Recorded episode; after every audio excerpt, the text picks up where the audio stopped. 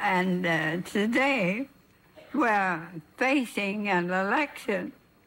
And my slogan now is governments make war. And the only way we can stop war is to have something to say about our government. في ظل حركة نسائية مطلبية تجتاح الولايات الأمريكية توالياً حالة من الخوف تنتشر بين الرجال والنساء. الصحف تنشر صوراً لرجال بلباس النساء يقومون بأعمال منزلية. رجل يحمل رضيعاً يبكي بينما تجلس زوجته وهي تدخن السيجار وتقرأ الجريدة، وصور صادمة أخرى تنذر بتغيير مجتمعي جذري. الرجال قلقون من أن يخسروا مكانتهم كأصحاب سلطة وقرار داخل المنزل وخارجه والنساء يترقبن متخوفات من أن تخسر المرأة دورها في رعاية عائلتها وأطفالها. كان هذا رد الفعل على ترشح جانيت رانكن لنيل مقعد في الكونغرس الأمريكي عام 1916 خطوة تاريخية لم تسبقها سيدة إليها من قبل. في ذلك العام كانت النساء في إحدى عشرة ولاية فقط يمتلكن حق التصويت في الانتخابات. وكان لجانت حينها الفضل في تحقيق ذلك في أكثر من نصف تلك الولايات بفعل نضالها ضمن الحركات والجمعيات الحقوقية وستلعب بعد فوزها بالمقعد النيابي دورا محوريا في التأسيس لإقرار التعديل التاسع عشر من الدستور الأمريكي الذي يمنع السلطة الفيدرالية والولايات من حرمان أي أمريكي حق التصويت بناء على الجنس. أهلا بكم إلى بودكاست خارج الذاكرة. خارج الذاكرة.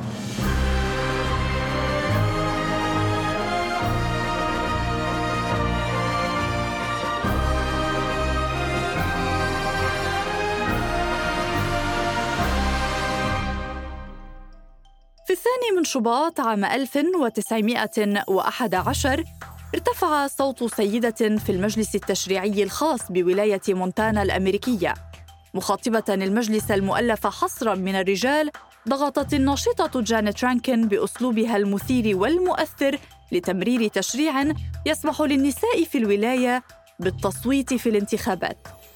النساء أعطين حق التصويت في وايومينغ وكولورادو ويوتا وأيداهو وواشنطن جغرافياً على مونتانا أن تكون التالية لكونها محاطة تقريباً بهذه الولايات.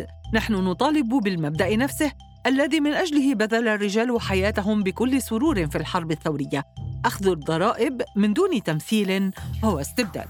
ابنة مونتانا المناضلة ولدت عام 1880 في مزرعة على أطراف الولاية لعائلة ميسورة تعود أصولها إلى إيرلندا. خلال طفولتها ساعدت والديها في أعمال المزرعة، فقامت بالتنظيف والزراعة والحياكة، حتى إنها تولت مهمات صعبة كبناء رصيف خشبي لأحد الأبنية المملوكة من قبل والدها كي يتمكن من تأجيره. تخرجت جانيت رانكن في جامعة مونتانا ونالت شهادة علوم الحياة وخلافا لأغلب بنات جيلها اللواتي تزوجن وكرسن علمهن لخدمة أبنائهن قررت جانيت أن تتخذ مسارا آخر كانت النساء في الولايات الغربية يعملن بالتساوي والتكاتف مع الرجال إلا أنهن لم يعطين صوتا موازيا في التمثيل السياسي ولا الحق في التصويت. تحدث ترانكن عن هذه النقطة مستندة إلى تجربتها الشخصية فهي التي شاركت في تربية إخوتها الستة وكانت بعد وفاة والدها عام 1904 المسؤولة عنهم. عملت رانكن في عدة مجالات مثل صناعة الملابس وتصميم المفروشات والتعليم قبل أن تنتقل إلى نيويورك عام 1908 وتصبح مدربة على العمل الاجتماعي الذي كان في طور النمو حينها. كان موقع عملها في معهد نيويورك للعمل الإنساني قريبا من أطراف المدينة حيث يسود الفقر والتهميش والإهمال. صدمت بالفجوات التي يشهدها المجتمع الأمريكي بين فئات الأغنياء والفقراء وصممت أن يكون للنساء دور محوري في تغيير ذلك والسبيل الوحيد هو عبر وصولهن للسلطة. إن أردنا قوانين عادلة لأبنائنا إن أردنا سجونا نظيفة ومصادر طعام آمنة فعلى النساء أن يصوتن أصبحت جانت السكرتيرة الميدانية للمؤسسة الوطنية لإعطاء المرأة حق الاقتراع والتي تنشط في 16 ولاية للضغط من أجل تمرير تشريعات تعطي المرأة الحق في التصويت. استنفذت جانت جميع الوسائل لتسليط الضوء على هذه القضية وتوعية المجتمع على أهميتها. تنقلت بين الولايات والتقت أعضاء في المجالس التشريعية فيها وأعضاء في الكونغرس مقترحة عليهم مشاريع قوانين لطرحها في الجلسات. أدركت أهمية الضغط الشعبي في التغيير فوقفت في زوايا الطرق وفي محطات القطارات لافتة الأنظار بطريقة خطابها بشأن هذه القضية. هل يعقل ألا تمتلك النساء ما هو مهم لتقدمه للأمة؟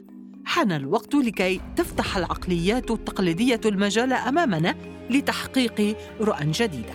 أثمرت جهود رانكن وفي عام 1914 انتزعت النساء في ولايتها الأم مونتانا الحق في التصويت والترشح.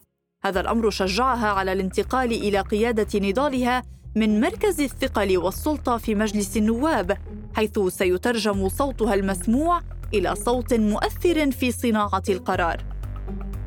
وثقت رانكن بأنها ستنال أصوات من انتصرت لأجلهن من نساء. لكنها لم تتوقع المعارضة التي لقيتها من بعض النساء قبل الرجال عندما قررت الترشح.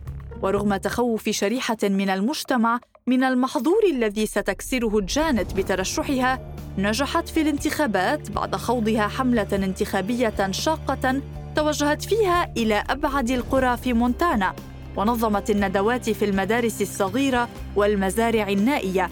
مقدمة أفكارها التقدمية التي تدعم حق الاقتراع والرعاية الاجتماعية. واستعانت لذلك بدعم أخيها ويلينغتون وتمويله وهو عضو مؤثر في الحزب الجمهوري. في سن السادسة والثلاثين حققت جانت إنجازاً تاريخياً وبداية تغيير سيتجذر خلال العقود التالية.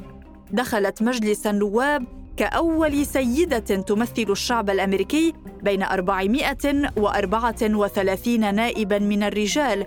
معظمهم لم يكن سعيداً برؤية امرأة تتولى منصباً مماثلاً. وفي أول استحقاق مهم بعد تسلمها مهامها كنائبة في مجلس النواب دعا الرئيس وودرو ويلسون عام 1917 إلى جلسة مشتركة للكونغرس للتصويت على دخول الولايات المتحدة الحرب العالمية الأولى وذلك ردا على إعلان ألمانيا حرب الغواصات على جميع سفن الشحن الأطلسية. أود أن أساند وطني ولكنني لا أستطيع التصويت للحرب. أصوت بلا. وقفت رانكن وبكل إصرار ألقت كلمتها عوضا عن الاكتفاء بجواب نعم أو لا المستخدمتين تقليديا للتصويت. صوت رانكن ضد الحرب أثار استياء الكثير من الداعمين والداعمات لحملتها رغم أنه أتى بين خمسين صوتا آخر رافضا للحرب. فهم اعتبروا أن قرارها عاطفي ويوحي بأن النساء لسن جديرات باتخاذ قرارات حاسمة وحساسة وأنهن أشخاص تقودهن العاطفة. هذه الحملة ضدها لم تثني جانت عن السير بقوة في مشاريعها. كيف يمكننا شرح معنى الديمقراطية إن كان الكونغرس الذي صوت مع الحرب لجعل العالم مكانا آمنا للديمقراطية يرفض إعطاء هذا الإجراء البسيط من الديمقراطية للنساء في بلدنا. خلال عملها النيابي أنشأت رانكن لجنة لوضع مسودة تعديل دستوري متعلق بحق المرأة في التصويت. وعلى الرغم من أنها نجحت في تمريره في مجلس النواب إلا أنه اصطدم برفض أغلبية أعضاء مجلس الشيوخ. قررت بعد ذلك الترشح لعضوية مجلس الشيوخ في الانتخابات التالية لكنها لم تنجح في تكرار الفوز التاريخي الذي حققته في مجلس النواب غير أن مشروع القانون الذي ناضلت لأجله تم إقراره في مجلسي النواب والشيوخ عندما طرح عام 1920 وأصبح التعديل التاسع عشر للدستور الذي أعطى النساء الحق في التصويت ومنع أي تمييز يحرم النساء حقهن السياسي على أساس الجنس. التعديل الدستوري جاء تتويجا لنضال عدة نساء من رموز الحركة النسائية في بداية القرن العشرين لكن عددا من الولايات وضع عقبات أمام تنفيذه وتحديدا لحرمان النساء من غير البيض التصويت تماما كما كان يحرم الرجال من غير البيض فيما يعرف بنظام الفصل العرقي تفرغت جانت بعد تحقيق هدفها لتركيز جهدها في مناهضة الحرب وأسست العديد من الجمعيات التي دعت إلى السلام. وظيفة تثقيف الناس بشأن السلام هي عمل المرأة لأن الرجال يخافون من تصنيفهم كجبناء. في هذه المرحلة لا أجد دافعا ملحا أكثر من ذلك. اشترت جانت مزرعة صغيرة في ولاية جورجيا وعاشت فيها حياة بسيطة من دون كهرباء ولا شبكة مياه. واتخذتها مركزا للانطلاق نحو الولايات الأمريكية ملقية الخطابات باسم اتحاد النساء للسلام والمجلس الوطني لمناهضة الحرب. مع اندلاع الحرب العالمية الثانية في أوروبا عارضت رانكن طرح الرئيس فرانكلين روزفلت دعم بريطانيا ضد الألمان داعية إلى تجنب الانجرار إلى المشاركة في حرب عالمية ثانية. واقتنصت الفرصة للعودة إلى السياسة مجددا فترشحت لمجلس النواب في عمر الستين وفازت إلى جانب تسع نساء أخريات عام 1941 في تلك الفترة كان الجدال قائما حول مشاركة الولايات المتحدة في الحرب الآخذة بالتوسع في أوروبا وباقي العالم وكان الموضوع محط نقاش في الكونغرس. إلا أن الهجوم الياباني على مقر البحرية الأمريكية في بيرل هاربر نهاية ذلك العام أسكت الأصوات المعارضة للحرب. عندما أعلن الرئيس روزفلت الحرب على دول المحور ودخول بلاده الحرب العالمية الثانية أمام جلسة مشتركة للكونغرس وحدها جانت صوتت ضد القرار. ورغم النظرات والهمسات الناقضة من زملائها تحت قبة الكابيتول تمسكت جانت بموقفها الثابت ضد الحرب. كامرأة لا أستطيع الذهاب إلى الحرب وأرفض إرسال أحد إليها. أثار صوت جانت الوحيد المعارض للحرب استياء الكثيرين وتهمت بالجبن وعدم الوطنية. بعد التصويت حصرت جانت من قبل الصحفيين في أحد أكشاك الهواتف في مبنى الكابيتول واضطرت إلى الاتصال بحرس الكونغرس لتأمين خروجها إلى مكتبها من بين الصحفيين الغاضبين. تلقت جانت مئات الاتصالات المستنكرة لقرارها، هتفها أخوها قائلاً: مونتانا ضدك مئة في المئة. لم يثني ذلك إصرار جانت للحظة، ولكنها علمت أن مسيرتها السياسية قد انتهت، ولم تحاول الترشح للمنصب في الدورة اللاحقة.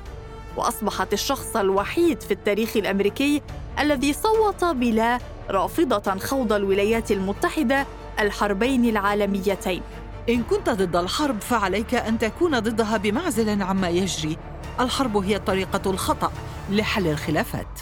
بعد ذلك خاضت جانت رحلتها الخاصة للبحث عن السلام فسافرت حول العالم ودرست في الهند تعاليم السلام للمهاتما غاندي. في الستينيات والسبعينيات توسعت الحركات التحررية النسوية وتلك التي تدعو إلى السلام والحقوق المدنية وكان ترانكن ملهمة لهذا الجيل. في أعقاب الحرب على فيتنام عام 1968 حركت جانت البالغة 87 عاماً جيشاً من النساء فيما عرف بلواء جانت ترانكن وهو مؤلف من قرابة خمسة آلاف ناشطة وحقوقية زحفن باتجاه الكونغرس وسلمن عريضة تدعو إلى وقف الحرب. عام 1972 قررت جانت العودة إلى السياسة وهي في العقد التاسع من العمر. أرادت من خلال حصولها على مقعد في الكونغرس أن تفعل الصوت ضد الحرب، إلا أن سلاحيها الأبيضين قلبها ولسانها اللذين لطالما نصراها في معاركها السابقة خذلاها فتراجعت عن مشروعها بسبب أمراض في القلب والحنجرة. توفي ترانكن في أيار مايو عام 1973 عن عمر 92 عاماً في كاليفورنيا وتم تكريمها بالعديد من النصب التذكارية في ولايات مختلفة. أهمها التمثال الذي شيد لها في مبنى الكونغرس عام 1985 وحفرت عليه عبارتها الخالدة لا أستطيع التصويت للحرب ولا يزال أثر رانكن حياً حتى اليوم من خلال مشاريع خيرية تحمل اسمها وتمول تعليم النساء وتحفز النساء غير العاملات. وعلى الرغم من أن تاريخ رانكن حافل بالقضايا التي ناضلت من أجلها، فإن القضية الأهم بالنسبة إليها والتي أرادت أن تذكر بها بعد وفاتها هي أنها كانت المرأة الأولى التي صوتت لمنح النساء الحق في التصويت. بودكاست خارج الذاكرة. إعداد وتقديم سارة خازم. إشراف بلال عبود. إخراج حسين حجازي.